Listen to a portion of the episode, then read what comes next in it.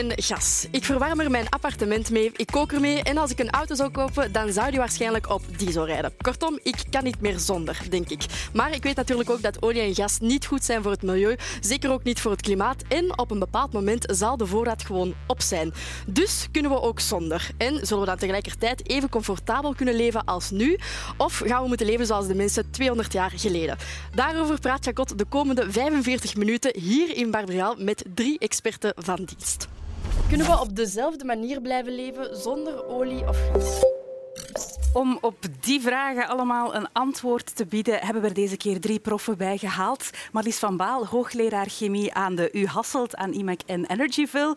Griet Verbeek, hoogleraar architectuur aan de U Hasselt. En Johan Driessen, hoogleraar ingenieurswetenschappen aan de KU Leuven en ook aan Energyville. Welkom, welkom alle drie. Uh, Johan, je bent als ingenieur bezig met elektrische energiesystemen en toepassingen. Ja. Dat moet je me even uitleggen. Wat mag ik daaronder verstaan? Ja, ik uh, kijk naar alle leuke dingen die je kunt doen met elektriciteit. Tegenwoordig, we rijden met elektrische auto's, we verwarmen met elektriciteit. Er komt heel wat technologie bij kijken. Maar ik vraag me ook af, waar gaat die elektriciteit vandaan komen? En hoe krijgen we die op de plaats waar we die nodig hebben? Ja, als ik het goed begrepen heb, gaat het ook over het feit dat je uh, meer toestellen, of om niet te zeggen alle toestellen, op uh, elektrische stroom wilt laten. Daar komt het ongeveer op neer. Ja, Uiteindelijk uh, gaan we dat als de belangrijkste energievector in onze maatschappij gaan gebruiken. Ja, dan blijft de hamvraag natuurlijk. We zijn nu zo afhankelijk van olie en gas. Kan dat überhaupt? Ja, als jullie zeggen olie en gas, dan neem ik aan dat je bedoelt fossiele olie Fossiele, en ja, fossiel gas. Zeker wel. Ja. Ja. Op dit moment importeren we daarvan heel veel. Dat is uh, ongeveer twee derde van de energie die ons land uh, binnenkomt. En heel wat van die olie en gas gaat direct door naar een eindgebruik, hè, zoals diesel uh, of gas om te koken, gas uh, om te verwarmen. Maar eigenlijk als je kijkt, uh, die, die energieomzettingen die daarmee gepaard gaan, dat gaat gepaard met heel veel verliezen.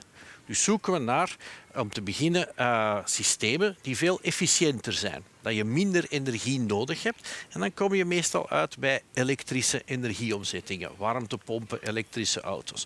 Simpel te zeggen, met een elektrische auto kan je, afhankelijk van, van het type, uh, ongeveer uh, drie à vijf keer verder rijden met dezelfde hoeveelheid energie als dat je bijvoorbeeld met een, een fossiele brandstof zou begonnen zijn. -hmm. Dus het is een, een, vraagstuk rond efficiëntie enerzijds, ja. maar ik veronderstel dat het duurzame er toch ook Tuurlijk. wel iets mee te maken heeft. Efficiëntie, hè, de beste vorm van energie is de energie die je nooit hoeft te uh, verbruiken, uiteraard. Uh, maar hè, als we kijken hoe dat we nu de elektriciteit maken, hè, of, of, de energie in het algemeen omzetten, dan gaan we inderdaad heel veel CO2 daarbij produceren. Hè. Bij de verbranding komt CO2 bij. Uh, als je auto rijdt, komt er CO2 uit de uitlaat en ook nog wat andere dingen, fijn stof en zo stikstofuitstoot. Uh, maar hè, daar willen we vanaf. Dus dat is de, het milieuargument. Maar we zitten ook nog met nog een, probleem, hè, wat vroeger een beetje werd uh, ja, minder be, overwogen. Die uh, fossiele brandstoffen moeten we hoofdzakelijk wel importeren in ons land. We hebben niet nergens oliebronnen. -hmm. Dus we willen ook minder afhankelijk zijn van die import. Hè. En dat is met de Oekraïne-crisis wel duidelijk gebleken dat dat een probleem kan zijn. En dus zoeken we ook naar vormen van energie die we wel gemakkelijker kunnen importeren of hopelijk hier op de een of andere manier kunnen opwekken. -hmm. En dat is bijvoorbeeld uh, ja, wind- en zonne-energie. Ja, zeker en vast. Misschien moeten we elk van die energie eventjes apart bekijken hoe realistisch het is om 100% afhankelijk te zijn van hen. Uh, laat ons met windenergie misschien beginnen. 100% van één van die energiebronnen zal nooit lukken. Nee. Je hebt altijd een mix nodig, ook omdat je risico's wilt spreiden in, in de praktijk. Uh, maar het is zo dat uh, er een enorm potentieel is aan, aan wind- en zonne-energie. Hè. Zonne-energie uiteraard nu in de zomer hè, heel veel uh, beschikbaar. wind hangt ook een beetje af van, van hoe het weer in elkaar zit, welk seizoen dat we zijn. gelukkig zijn wind en zon redelijk goed complementair in ons land. Daar kunnen we al een heel eind mee opschieten. Ja, je hebt altijd wel eens periodes dat er wat minder wind is, wat minder zon is, bijvoorbeeld in de winter. En uh, ja, dan moet je rekenen uh, op uh, buurlanden of andere energievormen. Hè. Of je moet de energie die je vroeger al hebt, op de een of andere manier hebt verkregen, opslaan voor later gebruik. Ja? Want we moeten altijd kijken naar een heel systeem. We hebben heel variabele bronnen, bijvoorbeeld wind- en zonne-energie. Maar het verbruik, ja, je, je wilt niet gaan uh, koken als de zon schijnt, bijvoorbeeld. Mm -hmm. hè. Dus we moeten daartussenin een elektriciteitsnet, energieopslag en dat soort technologieën daarbij voorzien. En als je dat goed uitbouwt, dan kun je echt wel een heel eind geraken, bijna helemaal volledig op basis van die nieuwe duurzame energievormen. -hmm. En wil dat dan zeggen dat we de kerncentrales allemaal sluiten? Well ja, dat is op dit moment een heel politiek debat. -hmm. Eventjes in perspectief. Uh, ik heb dat straks gezegd, we importeren heel veel energie, vooral fossiele energie. Ook een beetje uranium voor de kerncentrales.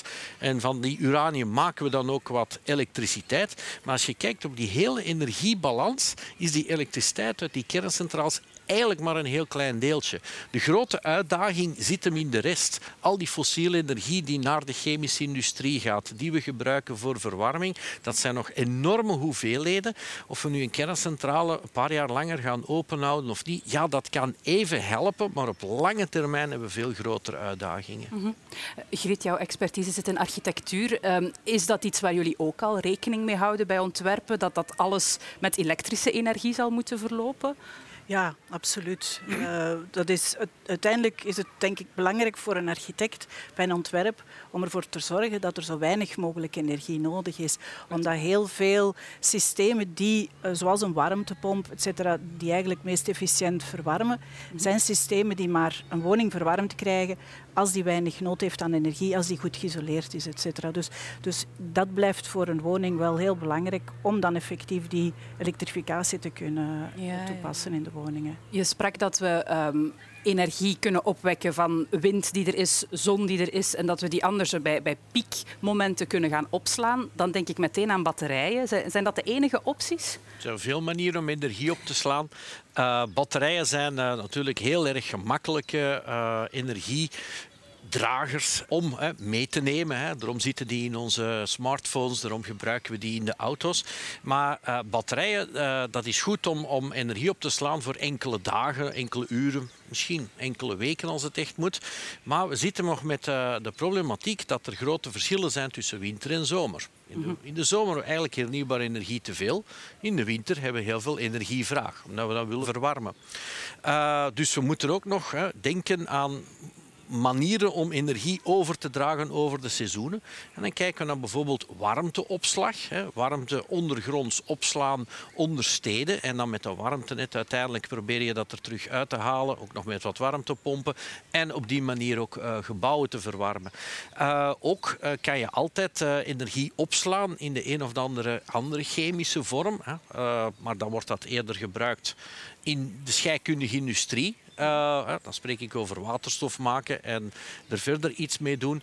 Uh, het is geen goed idee om waterstof nadien terug te gebruiken om elektriciteit te maken uh, zes maanden later. Daar gaan we het straks nog uitgebreid over hebben, denk ik. Ja.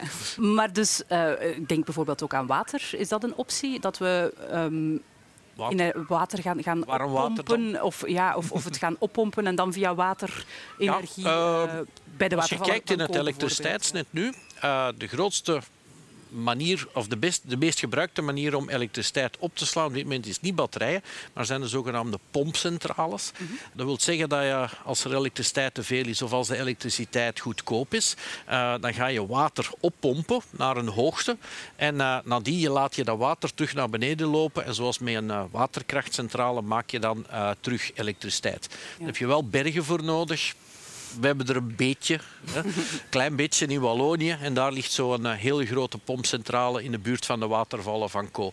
En die wordt de hele tijd gebruikt in het elektriciteitsnet. Maar als je daar echt alle energie in de zomer zou moeten gaan insteken om later in de winter te gebruiken, dan hebben we heel veel van die pompcentrales nodig. En dat is niet realistisch om die te bouwen. Want die bergen hebben we niet. Nee. nee. je kan ze moeilijk maken. dat zou ook heel veel energie kosten. Um, je zegt het al, het is, het is niet evident. Wanneer denk je dat het mogelijk mogelijk is om 100% duurzaam te Wel, gaan? Uh, de scenario's die nu op tafel liggen, en die zijn op Europees niveau eigenlijk vastgelegd hè, in de klimaatplannen van de Europese Commissie, het is echt de bedoeling om zeker de elektriciteit uh, CO2-neutraal te krijgen tegen het midden van deze eeuw, dus tegen 2050. Mm -hmm. Dat klinkt nog veraf, maar toch is dat akelig dichtbij, want als je nog veel dingen wilt bouwen, bouwen neemt veel tijd in beslag. Of als je iets wilt doen ook aan, aan het verbruik. Hè. Bijvoorbeeld als je de gebouwen nog wilt renoveren, zodanig dat we ook duurzamer uh, kunnen gaan uh, verwarmen en zo. Ja, dan moeten we ook... Eigenlijk hadden we dan al gisteren moeten begonnen zijn. En uh, als het bijvoorbeeld gaat over um, vrachtverkeer, boten, scheepvaart, ja. hoe realistisch is het dat zij afstappen van fossiele brandstoffen? Ehm, voor sommige van die, die transportmodi uh, is dat heel realistisch. Ik denk dat op dit moment er niemand nog aan twijfelt dat we met elektrische auto's kunnen rondrijden. Mm -hmm. als je, je kan nu al elektrische auto's kopen met, met een, een bereik van meer dan 500 kilometer. Als je kijkt, de volgende stap zijn de, de trucks het vrachtvervoer. Uh, de elektrische trucks uh, die beginnen er nu ook te komen. Die eigenlijk bouwen die verder op de technologie van de auto's. Met steeds maar betere batterijen, uh, snellere oplaadsystemen. en dat is iets wat dit decennium echt gaat doorbreken, die elektrische trucks. Maar als het gaat over scheepvaart en luchtvaart, ja, hangt het er een beetje vanaf. Want die nemen heel veel energie mee, hun brandstof, om heel ver dan te varen of te vliegen. En dan zitten we met het probleem dat als je dat allemaal in batterijen zou willen steken, hè, je moet dan nog de lucht in, hè, of het schip mag niet zinken, dan zou je heel veel batterijen moeten meenemen. En is er geen plaats meer over voor passagiers of containers of, of zoiets. Dus er is wel een grens uh, aan, aan transport wat elektrisch kan. Je kan elektrische vliegtuigen bouwen. Er zijn er nu al. En er zijn luchtvaartmaatschappijen die, die al uh, bestellingen hebben lopen voor elektrische vliegtuigen. Maar men verwacht dat dat toch maar is uh, voor een afstand tot een duizendtal kilometer. Okay. Dus we kunnen van hier naar Barcelona elektrisch vliegen, uh, op groene stroom dan. Maar als je de oceaan over wilt, dan hebben we een probleem. Betekent dat dan ook dat we, om echt duurzaam te leven, een stukje luxe gaan moeten afgeven? Ik denk het niet. Ik denk dat we zelfs aan luxe gaan winnen. Okay. Als je kijkt naar het verkeer bijvoorbeeld. Hè, nu het verkeer, hè, dat is toch niet echt goed ruikend, zal ik maar zeggen. Um, uh, we hebben dat fijn stof, hè, dus uh, daar willen we ook vanaf. Hè, dus dat is goed voor de gezondheid. En een auto is nogal lawaaierig. Wel, vergelijken met een elektrische auto, amper fijnstofproductie, geen lawaai niet meer en ook de CO2 hè, zijn we dan ook uh, vanaf. Dus op die manier gaan we aan luxe uh, winnen. Ook die gebouwenverwarming, hè, als je uh, vergelijkt met, met uh, gasketels en dergelijke. Ik denk dat warmtepompverwarming iets aangenamer is. Mm -hmm. Ja, zeker en vast. Misschien nog een laatste vraagje. Um, we hebben al windenergie, zonne-energie, waterenergie aangehaald. Zijn er nog andere alternatieven? Kernenergie ook al, maar dan kijk ik misschien naar kernfusie. Is dat een optie? Ja, als je kijkt in de kernenergie zijn er eigenlijk nog heel wat opties. Hè. Uh, kerncentrales zoals we nu hebben, dat, zijn, dat is technologie van de vorige eeuw. Dus de kerncentrales in ons land zijn, zijn ongeveer 40, 50 jaar oud. Het ziet er naar uit dat we in de tweede helft van deze eeuw nog wel nieuwe generaties kerncentrales gaan krijgen. Veel kleinere eenheden, uh, die wat flexibeler zijn, die wat minder uh, kernafval zouden produceren.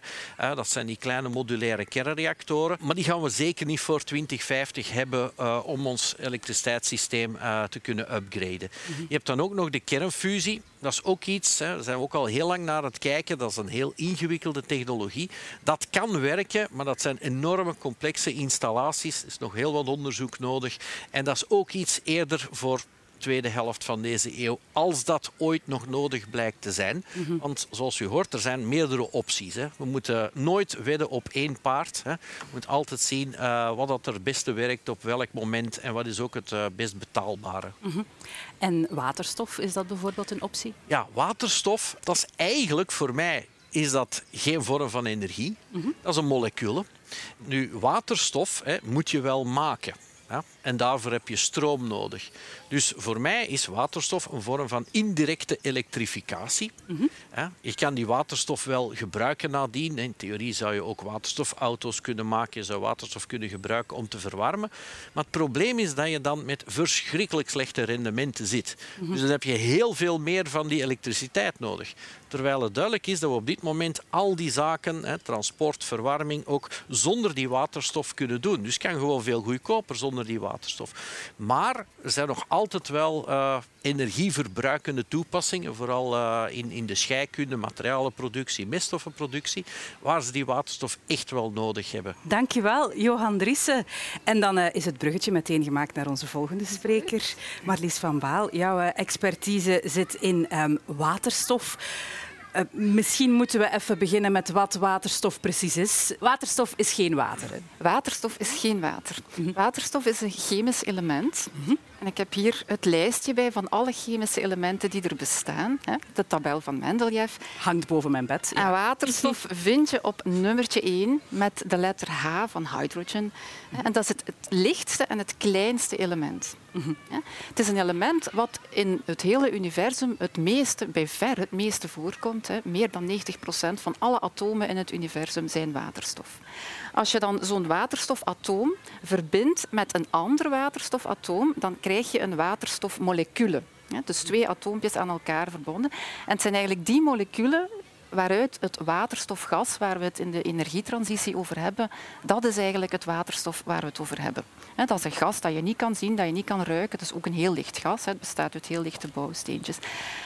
En waterstof op deze manier bestaat niet of, of nauwelijks op aarde als je dat wil gaan gebruiken in de energietransitie, dan kan je dat niet gaan ontginnen.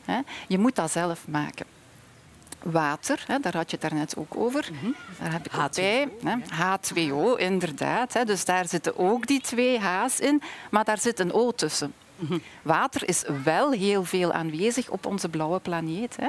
En dus als wij waterstof willen gaan maken, wat zouden we kunnen doen? We kunnen die uit andere moleculen gaan halen, maar dan moeten we natuurlijk die bindingen breken en nieuwe bindingen vormen. En dus we moeten daar toch wel altijd ja, iets voor doen om dat waterstof uit bestaande moleculen, zoals water of andere, te gaan halen. Ja, dus gewoon die zuurstof daarvan tussen halen en het is klaar. Ja, dan? ja, dat is heel goed gezien. Maar natuurlijk is het zo simpel niet, want anders deden we het al. Nu voor de duidelijkheid, waterstof zelf wordt op dit moment al heel veel gebruikt. Het is gezegd geweest in de industrie om, om kunstmest te maken, om staal te maken, cement, ook, ook in de raffinaderij, wordt waterstof al veel gebruikt. Maar waar halen we dat? Via het water? Nee. Nee, uit methaan uit aardgas. Dus je ziet hier, de zwarte is koolstof, maar daar hangen ook vier waterstoffen aan. En op dit moment wordt in een hele hoop waterstof in de industrie gemaakt uit methaan. Wat doet men dan? Men gaat methaan samen met water uh, op hele hoge temperaturen brengen, hè, uh, met stoom dus, hè, want honderden en honderden graden, hele hoge drukken. En dan met een juiste katalysator erbij maak je uit dat water samen met uh, het methaan, kan je daar dus waterstof uit maken, maar het restproduct is CO2, koolstof met twee zuurstoffen op. En dat is dus natuurlijk niet goed voor het milieu. Dus de waterstof die wij nu maken en die al heel veel in de industrie gebruikt wordt, noemen we grijze waterstof, omdat daar eigenlijk het milieuonvriendelijke of het klimaatopwarmende uh, CO2 bij vrijkomt. Je spreekt van die reactie die gaat um, alleen maar voort als je een katalysator gebruikt. Misschien ja. nog eventjes stilstaan bij wat een katalysator voor mij is. Ja, een katalysator is eigenlijk een, een, een, een element wat je daarbij doet, of een, of een materiaal wat je daarbij doet, wat eigenlijk helpt om de energie die aangeboden wordt, hè, zodanig te verdelen dat net de juiste bindingen breken en andere juiste bindingen vormen. Dus dat zijn ja, soms metalen of zo. Mhm. ja. Ja, ja. We hebben daarnet al duidelijk geleerd dat uh, waterstofgas geen goede optie is om energie uh, uit te putten. Waarvoor kan het dan wel gebruikt worden? Ja, waterstofgas, hè, zoals ik juist gezegd heb, is dus een gas wat op dit moment in de industrie al heel veel gebruikt wordt. Hè. Natuurlijk grijze waterstof. Bijvoorbeeld om kunstmesten te maken. Hè. Kunstmest dat is een manier om stikstof in de bodem te krijgen. Hoe krijg je stikstof in de bodem? Ik heb daar nog een molecule voorbij. Echt, ik hou hiervan. Dit is stikstof, twee stikstofatomen bij elkaar. En dit is ammoniak. En ammoniak is eigenlijk de bouwsteen om kunstmest te maken. Maar je ziet, hè, om van stikstof ammoniak te maken, moet je daar ook weer waterstoffen op zetten. Nogmaals, op, op dit moment, al die waterstoffen die daarvoor gebruikt worden, en dat is heel veel, er wordt heel veel ammoniak gemaakt in de wereld, is allemaal grijze waterstof. Hè. Allemaal waterstof waar heel veel CO2 voor vrijkomt. Niet alleen kunstmest, maar bijvoorbeeld ook ja, staal. Hè. Om uit ijzeroxide ijzer te maken, moet je, heb je water waterstof nodig. Of ook in de, in de olieraffinaderij, dus om, om kunststoffen te maken hè, uit, uit petroleum, uit aardolie, heb je ook waterstof nodig. Het is misschien geen goede energiebron, maar toch zijn er dan waterstofauto's die, die opkomen of, of waar je, ja, plekken waar je waterstof kan gaan tanken. Uh, hoe zit dat dan precies in elkaar? Ja, dus je kan op dit moment... Uh, kan je met een auto rijden. Hè, of, of men denkt aan het gebruiken van waterstof in, in, in auto's. Maar Johan heeft het al gezegd. Dat is op zich geen goed idee. En misschien moet ik eerst eens een keer teruggaan naar... Want ja, we zijn hier eigenlijk over grijze waterstof bezig. Hè. Ondertussen denken wij natuurlijk ook aan waterstof als een oplossing om naar een, een koolstofneutrale en duurzame energiemaatschappij te gaan. En dan spreken we over groene waterstof. En dat is eigenlijk het idee wat men dus in, ja, waar men aan denkt met de auto's. En groene waterstof is waterstof die men uit water haalt. Dus daar hadden we het daar straks al over.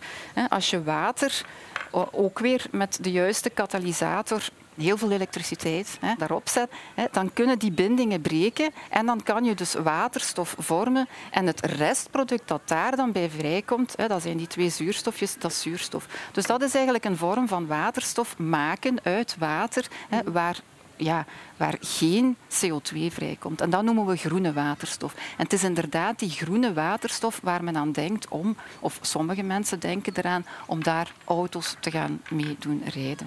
Nu, een waterstofauto is eigenlijk ook een elektrische auto. Dus wat doe je?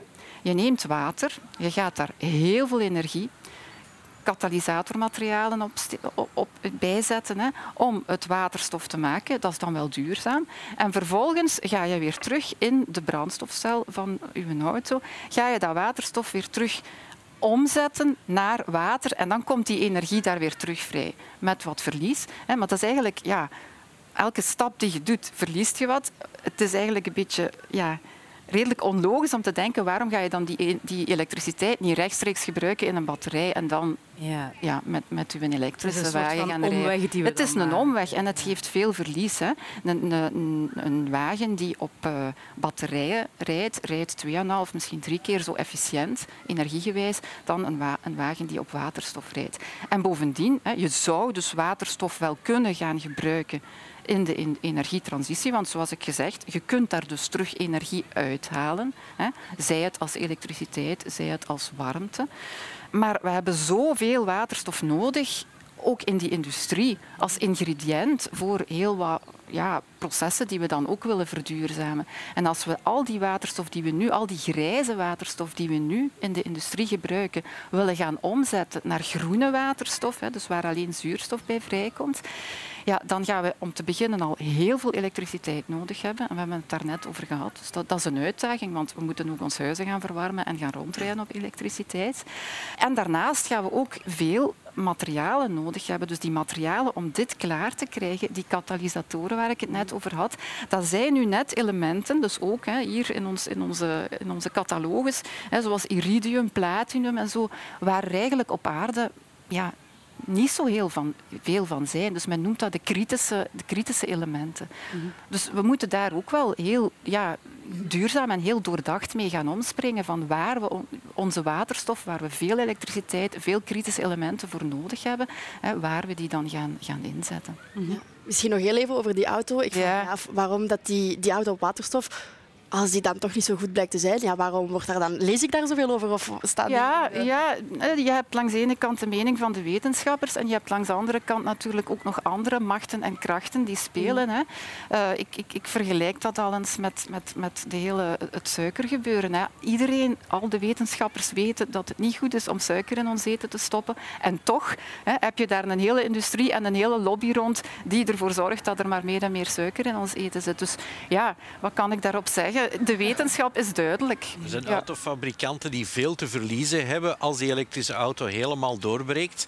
En die zullen er alles aan doen mhm. om ja, nog alternatieven uh, of de ouderwetse auto's met verbrandingsmotoren nog zo lang mogelijk op de, markt uh, op de weg te houden. Hè. Uh, je hebt die waterstofauto, maar ook een tijdje terug was er een heel discussie over synthetische brandstoffen, e-fuels. Ja, dan neem je die, die waterstof en dan ga je die nog wat verder laten reageren tot met een soort van uh, ja, nagemaakte benzine of diesel heeft, ja. dan kun je in theorie nog eh, rijden met de huidige auto's. Maar elke stap die je nog toevoegt uh, aan die chemische conversies, dat geeft telkens heel veel verliezen. Hè? En dus dat wil zeggen dat we aan het begin van die keten nog meer elektriciteit gaan nodig hebben om dat nog duurzaam te kunnen uh, rondkrijgen. Nogmaals, ik, ik zie niet direct hè, een toepassing voor, voor waterstof als, als energie Energiebron mogen we al zeker niet zeggen. We moeten het maken als energiedrager misschien wel, hè, maar niet in woningen, niet in auto's. Wel in bijvoorbeeld chemische industrie waar heel veel warmte nodig is, waar je met elektriciteit niet kan halen. Daar wel. Wel in het hè, transmaritieme vrachtverkeer, hè, dus de boten, daar wel. Daar als energiedrager. En voor de rest, uh, ja, geef alsjeblieft het kostbare waterstof aan de chemische industrie. Want naast die kunststoffen, naast dat staal, naast dat cement, moeten we eigenlijk ook nog onze hele plastic-industrie gaan verduurzamen. En plastic bestaat ook, ja, ik heb het hierbij, bestaat ook uit koolstof en heel veel waterstof. Alle witte zijn waterstof. Waar halen we dat nu uit? Uit aardolie. Dat is ook een hoopje koolstof met waterstof. Hè. We, verfijnen dat totdat dat dan plastic, zoals dit polyethyleen bijvoorbeeld is. Maar dit gaan we ook allemaal zonder fossiele grondstoffen moeten doen. Mhm. En dan kunnen we gaan denken naar recyclage of, of aan, aan, aan natuurlijke bronnen. Maar bijvoorbeeld ook CO2 hè, samen met waterstof terug gaan omzetten tot uh, ja, bouwstenen om chemische industrie mee te bedrijven. Hè. Dus, dat kan... daaruit, dat is een... De C kan je dan... Dat is een polymeer. Ja, ja, dat is een polymeer. En de C... Die haal je uit de lucht. Uit Zo, dus op dit moment haal je die, C's, die koolstoffen uit, uit petroleum, uit aardolie. Maar men zou dus hè, uit de lucht CO2 kunnen halen ook weer waterstof nodig, je ziet het, hè, om daar dan chemische bouwsteentjes mee te maken, hè, zoals, zoals ethyleen of zo, of methanol. Hier, voilà, methanol. Hè. Uh, om daar dan chemie mee te doen en daar dus ons, ons hele kunststoffen industrie mee te vergroenen. Hè? Want je moet, je moet je bedenken, alles wat geen steen is of mineraal, alles wat geen, geen natuurlijk ding is, hout, vlas uh, of, of metaal, dat is allemaal kunststof. Hè? Mhm. En dat wordt op dit moment allemaal uit aardolie gemaakt, dus we moeten daarvan af. Mhm. En daar hebben we ook veel waterstof voor nodig.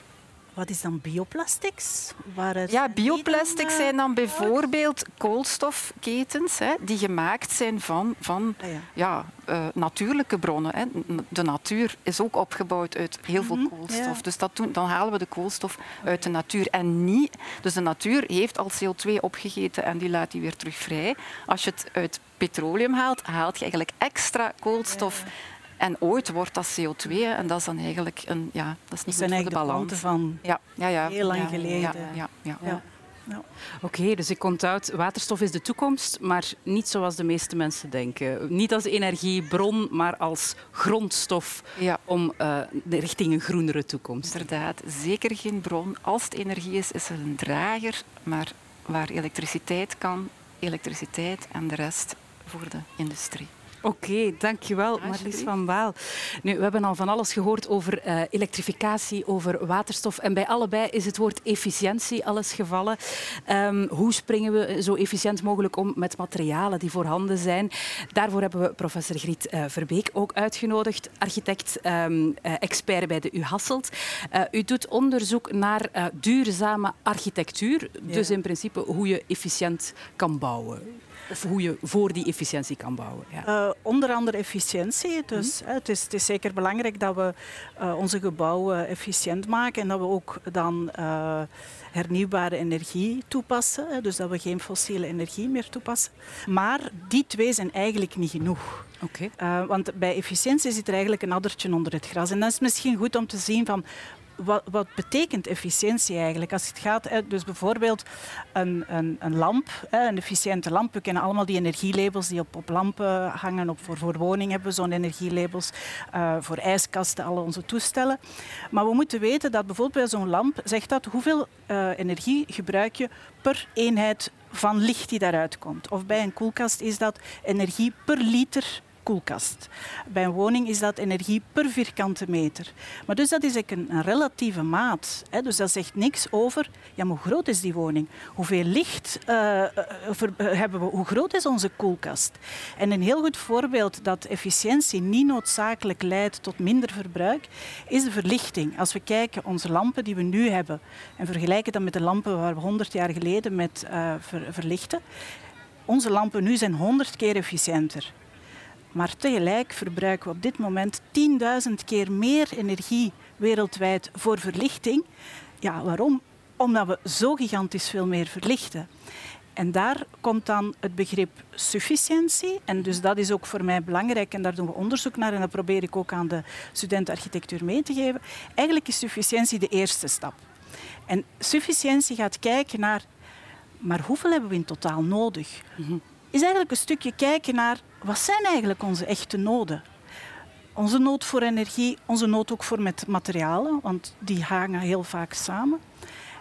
En wat is genoeg? Zowel vanuit het idee van niet te veel, maar ook niet te weinig. Hè. Uh, en dan te gaan zien, oké, wat we nodig hebben, hoe kunnen we dat dan zo efficiënt mogelijk inzetten en met hernieuwbare energie. Mm. Maar het is dus, um, internationaal is er een hele onderzoeksgemeenschap die meer en meer daarmee bezig is met dat begrip sufficiëntie als een derde pijler in de hele transitie naar meer duurzaam energieverbruik. En waarbij belangrijk is van eigenlijk die sufficiëntiestap eerst te zetten. Ja. En te kijken van oké, wat hebben we eigenlijk nodig? En ik heb het eigenlijk hier ook vaak gehoord van, dan, ook, ook bij, zowel bij Johan als bij Marlies, van ja, als we maar doen, dan gaan we veel te veel energie nodig hebben die we niet kunnen, die we niet kunnen mhm. produceren. Dus dat is uh, het. Uh, en dat probeer ik ook bij de studenten uh, aan te geven. Ja. ja, dus sufficiëntie lijkt de oplossing, maar het is misschien niet voldoende om alleen maar op sufficiëntie. Nee, nee, dat is ook niet. En ook, het is zeker niet de bedoeling als een kritiek op of zeggen van oké, okay, sufficiëntie komt in de plaats van. Uh, efficiëntie is belangrijk, hernieuwbare bronnen zijn belangrijk, maar als we enkel die efficiëntie nemen, dan is de kans heel groot dat we heel veel inspanningen aan het doen zijn om dan op het einde van de rit vast te stellen ja, maar we zijn er eigenlijk nog niet geraakt. Mhm. En ik moet zeggen, ik heb het ook een stukje gemerkt. Ik laat mijn studenten hun ouderlijke woning analyseren om een gevoel te laten krijgen van oké, ja, hè, hoeveel, hoeveel verbruikt nu zo'n woning? En veel van die studenten wonen in heel efficiënte woningen, maar wonen ook in grote woningen. Mhm. En dat je dan ziet van, ja, op het einde, je verbruikt eigenlijk nog best wel veel. Hè, omdat je natuurlijk, ja, efficiëntie is gewoon energie per vierkante meter. Maar als je heel veel vierkante meters hebt, kan die factuur nog altijd wel groot zijn. Andersom zijn er mensen die misschien in een minder efficiënte woning wonen, maar een kleine woning. En die eigenlijk misschien alles bij elkaar niet zoveel verbruiken. Mhm. Dus in dat opzicht is het, en dat is op dit moment in het beleid, beleid gaat over die efficiëntie, gaat over hernieuwbare energie, maar stelt eigenlijk geen enkele vraag over dat totaalverbruik. Dat is wel iets wat we proberen mee te geven. Mag ik het samenvatten dat, dat efficiëntie te maken heeft met de technologie zelf, de eigenschappen daarvan, en dat sufficiëntie meer iets, iets persoonlijk is, iets, iets mensgebonden? Sufficiëntie zit vaak in gedrag. Is een stukje uh, gedragsgebonden, maar je kan als overheid um, die sufficiëntie makkelijker mogelijk maken of net uh, verhinderen. Ook als architect kan je een, een, een, woning ontwerpen waar iemand dat sufficiënt gedrag kan stellen of net niet. En een voorbeeld daarvan, en daarvoor is de energiecrisis, ik bedoel, het is problematisch geweest, maar het heeft ons ook weer veel nieuwe inzichten gegeven. Mm heel veel uh, moderne architectuur is heel open. Hè, dus, en dat is heel fijn, ruimtelijk. Uh, ook bij renovaties wordt heel vaak alle binnenmuren meegenomen en, en loft, et cetera. Als je dat vergelijkt met woningen vroeger, waren dat kleine kamertjes. Maar dat maakt wel, als je die kleine kamertjes had, en wat men vroeger ook wel deed bij woningen die slecht geïsoleerd waren, men ging één ruimte verwarmen. Mm En de rest uh, uh, niet, omdat het anders veel te duur was. Nu, ik denk dat er toch wel een aantal mensen in hun moderne woning met de energiecrisis ja, een beetje ja, gefrustreerd zijn geweest, omdat ze eigenlijk alleen konden kiezen van ik verwarm alles of ik verwarm niks. Het kiezen van oké, ik ga bepaalde ruimtes goed verwarmen en de rest waar ik niet zoveel kom minder goed verwarmen, is bij die woningen niet, niet echt mogelijk. En dat probeer ik bij mijn studenten mee te geven. Het gaat er niet om dat we terug moeten naar die oude woningen met die kleine kamertjes, maar je kan wel een ontwerp maken waarbij er een stuk dynamiek mogelijk is, waarbij je de mensen de kans geeft om misschien uh, ook op andere momenten zegt van hè, de kinderen gaan het huis uitzetten, dat je eigenlijk maar een deel van je woning gebruikt. En komt er meer volk, of, of ja, bijvoorbeeld nu in de zomer, kan je alles openzetten, et. Dus dat je een stuk veel, veel meer dynamiek in, in, in, in de woning steekt dan wat er vaak nu het geval is. Mm. Heb je naast die te grote ijskast of een te grote living nog een voorbeeld van ja, een comfort, zeg maar, dat we gaan moeten aanpassen? Of ik neem aan dat, ja, dat we onze manier van leven wel een beetje gaan moeten aanpassen dan, als ik het zo hoor. Ja, een, een, een ander voorbeeld is, we zien wel een omslag, maar bijvoorbeeld ook het gebruik je een auto. Hè. We maken auto's ook meer efficiënt. Of gebruik je een fiets. wat eigenlijk ook een weer sufficiënt gedrag is. Maar dan moeten we natuurlijk zien dat we op een veilige manier op de plekken geraken. En de fietsautostrades en zo zijn daar op zich al een, een goed uh, iets in. En zelfs een elektrische fiets kan u dan helpen, maar zal al een stuk minder verbruiken dan als je dezelfde korte afstand met een elektrische auto doet. Dus dat is eigenlijk al een vorm van, van sufficiënt gedrag. Een ander voorbeeld wat ik soms geef is, je zegt van in elk ontwerp voor een woning gaat een architect een ruimte voorzien of een plek voorzien waar een droogkast staat. We hebben allemaal een droogkast. En men heeft ondertussen um, droogkasten met warmtepompen, dus een heel onderzoek naar efficiëntie. Maar wat is de beste manier, wat willen we eigenlijk doen? Onze kleren drogen. Gewoon aan de lucht laten drogen is handig. En nu hè, is dat super gemakkelijk. Maar in de winter, ja, wat moet je dat doen als je dat wilt doen? Ja, dan moet je dan beginnen rekjes in je woonkamer of je keuken. Ik bedoel, dat voelt niet goed.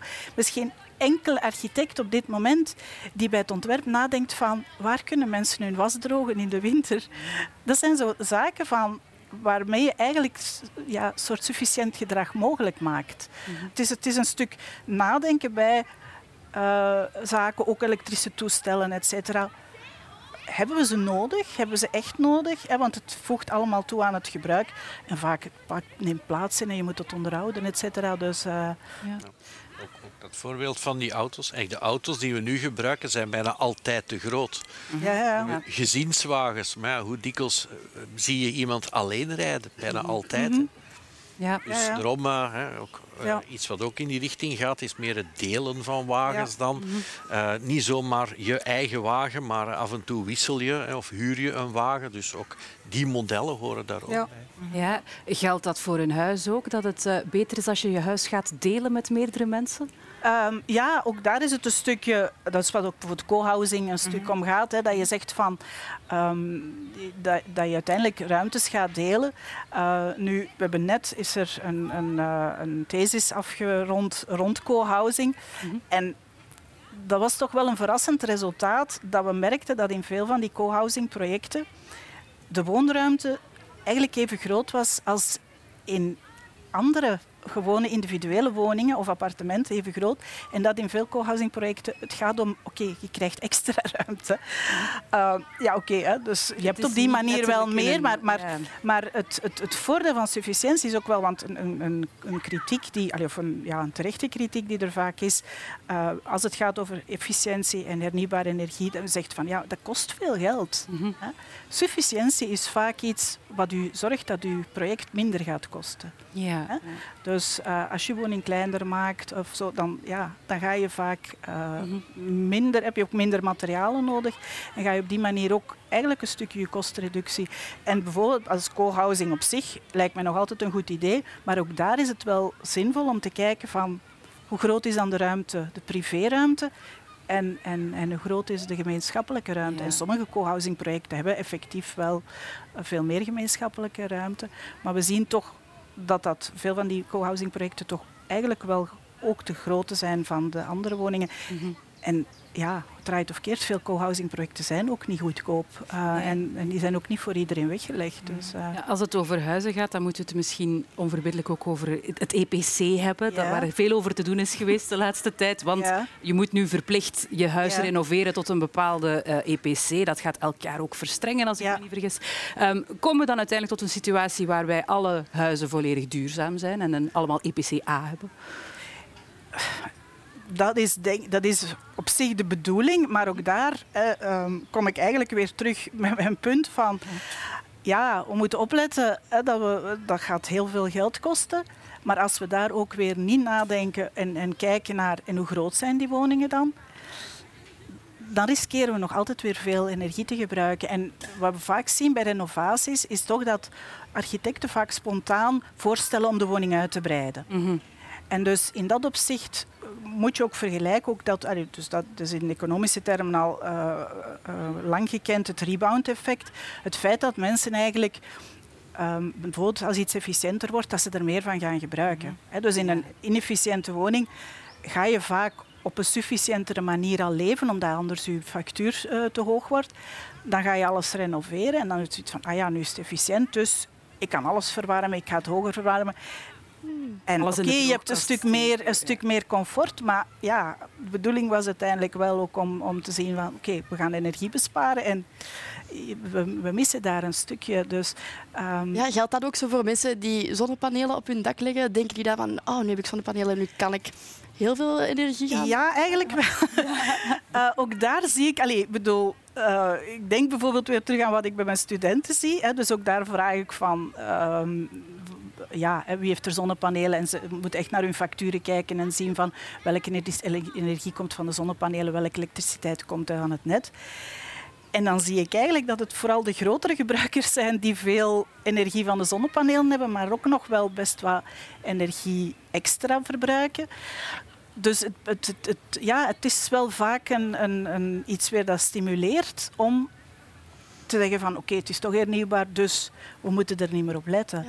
En, en dan is het een stukje, ja, voor, voor, voor, de huishouden in kwestie kunnen het zich waarschijnlijk permitte- wel permitteren, dat is het probleem niet. Maar als we het op een grotere schaal zien, ja, dat zijn materialen die we extra nodig hebben. Om die materialen te maken hebben we ook weer energie nodig. Dus en, en energie en materiaalgebruik hangt heel sterk samen. Dus, hè, want soms is er het idee van maar waarom moeten we energie besparen als het hernieuwbaar is? Maakt het niet. Maar wat is dan het probleem? Maar ik denk dat hè, zowel Marlies als Johan het ook al duidelijk gemaakt hebben. eh, ja, Zo simpel is het niet. het, zo, zo simpel is het niet. En, en, en we krijgen dat niet allemaal eh, op die manier. Allee, als we niet ook denken aan hoe krijgen we dat totaalverbruik naar beneden, gaan we het ook niet met hernieuwbare energie kunnen, kunnen dekken. Hoe graag horen mensen dat, dat ze minder moeten verbruiken? Ehm, ik moet zeggen dat het bij verschillende mensen, maar het zijn meestal iets oudere mensen, ik bedoel, dan zie ik mezelf ook er al bij, ehm, het, het raakt wel een snaar. Toch? Omdat het, ja, ehm, ik merk bij jongeren hebben soms moeite mee om het, om het, om het te vatten. Maar ehm, mensen die bijvoorbeeld al, al in een woning wonen, hebben zo het, het precies toch ook wel het, het, het, eh, het, is, wordt bijna een filosofische vraag. Hè? Allee, Het is eigenlijk van, ja, wat hebben we eigenlijk nodig? En Ja. het, het idee ook dat meer hebben en meer, meer, meer ons niet noodzakelijk gelukkiger maakt. Hè? Dus eh, ik denk daarvoor was corona soms ook wel goed om te zien van wat is de essentie, wat, wat, hebben we, wat, wat missen we echt en wat eh, zijn misschien extra's.